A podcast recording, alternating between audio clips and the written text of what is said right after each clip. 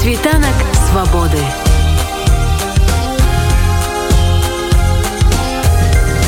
Спіць вольнасці.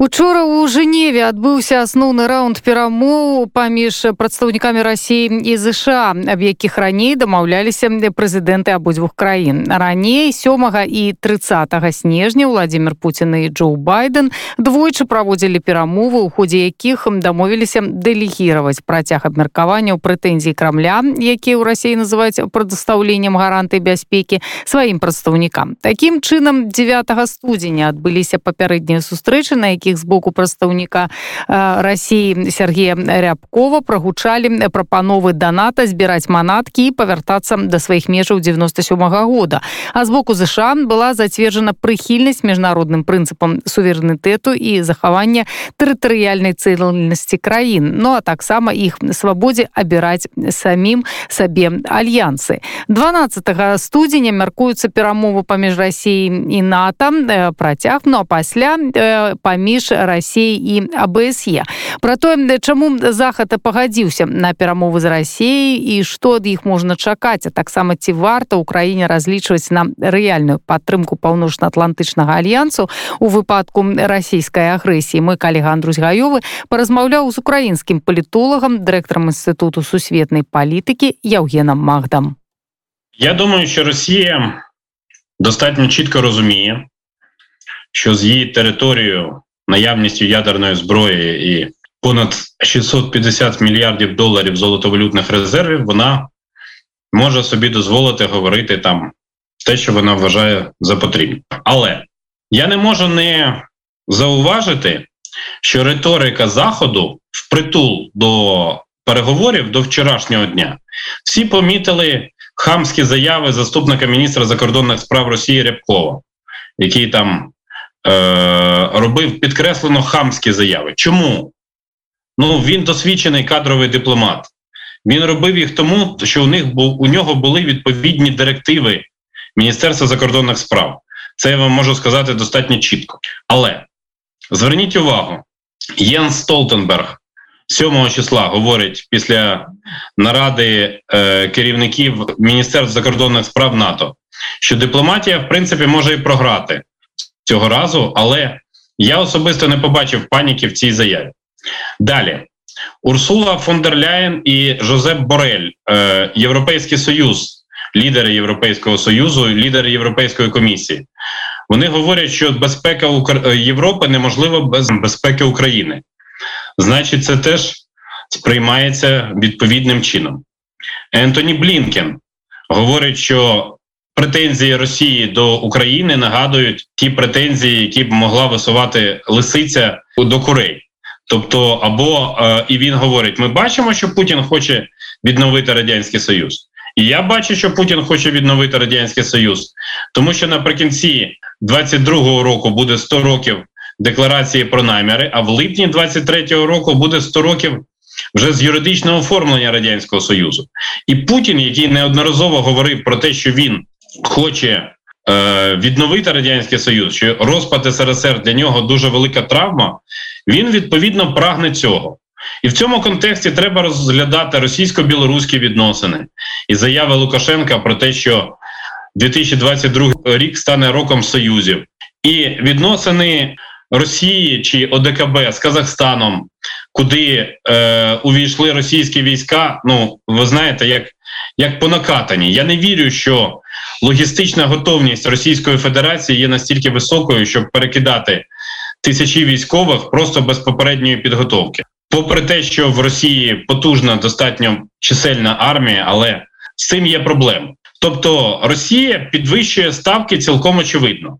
Як відповідає Захід? Захід відповідає з одного боку в звичному собі контексті, що ми будемо робити е, певні дії, е, які відповідають нашим інтересам, але при цьому ми не відмовляємось від переговорів з е, Російською Федерацією. Чому не відмовляється від переговорів? Тому що переговори це елемент політичної культури. Заходу і Сполучених Штатів і Європейського Союзу, і тому відмовитись від них, звичайно, що вони не можуть. Ну і ось пачаліся перамовы паміж захадам Росіяй ці ёсць у вас інфармацыя ці ёсць нейкі вынік гэтых перамоваў тому что яны доўжыліся амаль 8 гадзін 7 з паловай і нейкіх паведамленняў по іх выніку я пакуль прынамсі не бачыў что можна чакаць увогуле гэтых перамоваў і ці ведаеце вы чым що ж таки наскон ці перемовини вони були дуже потрібні Росії вона використала їх для власного самоствердження насамперед перед власними громадянами подивіться протягом останніх днів постійно йдуть заяви різних російських керівників про те, яка Росія потужна.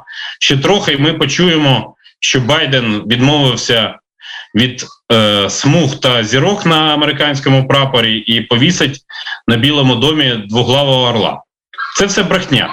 Росія формує певний інформаційний порядок денний насамперед на пострадянському просторі, де багато людей читають російською мовою. І в цьому контексті і українцям, і білорусам, і молдаванам, і багатьом іншим треба вчитися більше працювати з англо-німецько-франкомовними джерелами. Це має бути елемент державної політики, в тому числі якісний переклад і донесення цієї інформації до громадян, оперативне донесення, демонстрація того, що є не лише думка Кремля що вона не єдине, е, не істина в останній інстанції, а вона е, є предметом маніпуляції. І коли ми це будемо усвідомлювати, тоді відповідно і ми будемо далі рухатись вперед. Доки цього усвідомлення не буде, то ми будемо сидіти в російському інформаційному загончику, як барани, які чекають, доки їх заріжуть. Ну, ось глядіться, тим не менш, фактично шантажуючы злучаныя штаты шантажуючы нато Путін выгандляваў гэтыя перамовы якія збольшага ну, як мне падаецца гуляюць яму на руку чым вось гэтаму заходняму свету західний світ не може відмовитись від переговорів я вже про це сказав точно так само як Німеччина і Франція наприклад не можуть вийти з нормандської четвірки тому що це для них буде е, свідчення того що вони політично зазнали поразки і Путін це добре знає. Росія дуже добре розуміє механіку дій е, західної політики. Є ще один нюанс: Путін і Сі Цзіпінь, до речі, теж ну і Лукашенко за великим рахунком. Теж вони всі не залежать від результатів виборів. Ми вже в цьому переконалися. А всі західні політики залежать від результатів виборів, і вони не хочуть, щоб коли прийде час Х, час виборів, наприклад, навесні цього року у квітні у Франції, Еммануель Макрон не хоче, щоб його спитали на дебатах. Пане президенте, а чому ви не захотіли говорити з Росією? У нас з Росією понад 200 років е, ефективної співпраці. Точно так само не хочуть і багато інших європейських політиків, тому що е, для них е, Росія е, робить різноманітні пропозиції, наприклад, той самий Nord Stream 2, як проєкт, який дозволить всім їм заробляти і збільшувати добробут громадян Європейського Союзу. Хто з європейських політиків у тверезій пам'яті може відмовитись від перспективи збільшення добробуту власних громадян, якщо він думає про вибори? Я думаю, що практично ніхто. Тому тут е, насправді нічого дивного в цьому немає. Це свідома російська політика. Зараз е, пізно про це говорити, про те, що і чому Захід так поступив, тому що весь час вважали, що Росія слабка, але Росія і справді в військовому сенсі ну вона ж кардинально поступається Сполученим Штатам, але вона слабка, проте нахабна. І на цьому на це нахабство вона робить в принципі найбільшу ставку. Ці будзе з'яўляцца адным з бакоў гэтых усіх перамоваў вось якія адбудуцца з НАТО э, тая ж самая Украіна яка стала таким каменем сутыкнення вось апошнія тыдні нават месяцы калі Росія нарошчвала вайсковую прысутнасць каля украінскіх межаў і гэтым фактычна адзін са складнікаў шантажу які Путін выкарыстоўваўся пагражаючы захаду нейкім нейкай такой эскалацыі зараз 12 числа маюць адбыцца перамовы з НАТО ці мяркуецца ці ведаеце вы ці мяркуецца ўдзел Украіны ў гэтых перамовах Сьогодні пройшло засідання комісії України НАТО, де був міністр закордонних справ Дмитро Кулеба, і він там, я думаю, достатньо плідно говорив з нашими союзниками по альянсу. Україна ж має програму розширеного партнерства з НАТО, але не має програми, яка передбачає юридично надання військової підтримки, надання підтримки військовослужбовцями тощо. Але тут ще теж треба розуміти.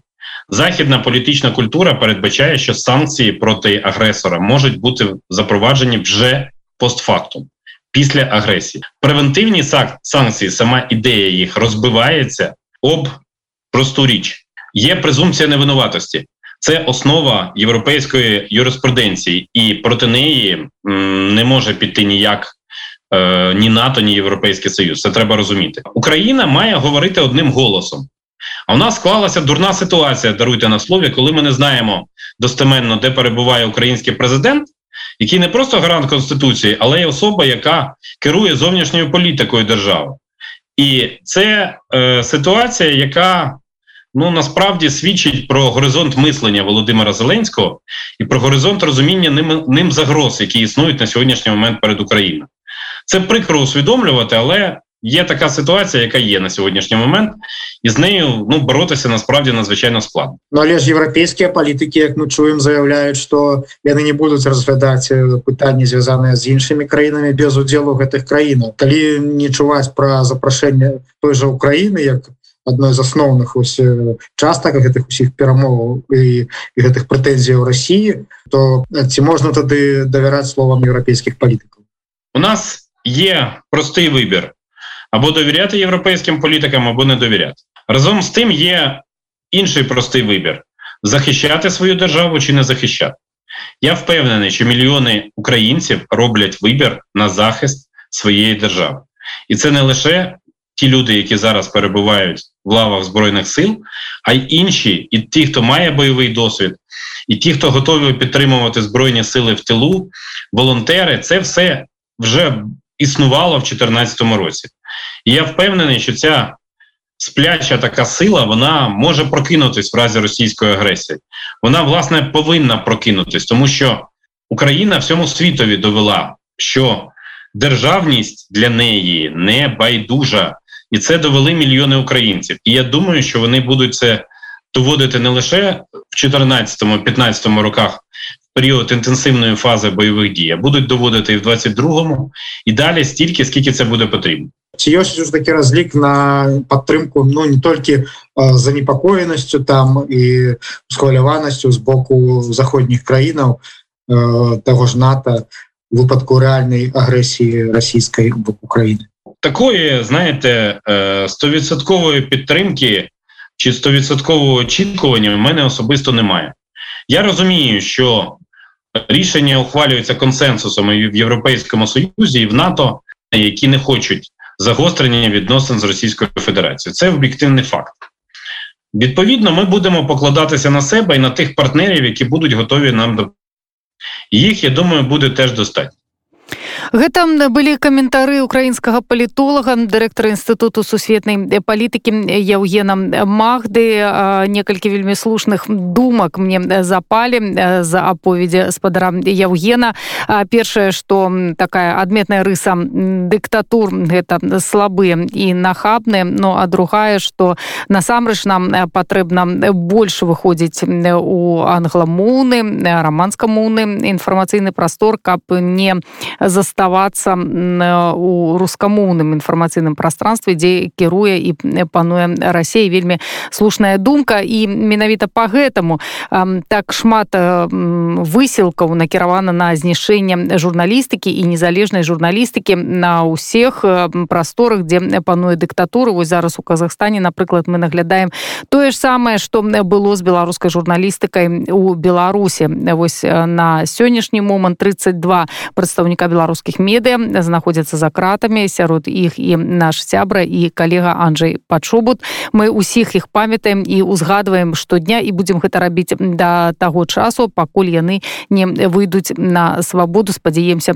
што гэта адбудзецца ўсё ж таки цягам ну досыць нядоўга часа. Жыве Беларусь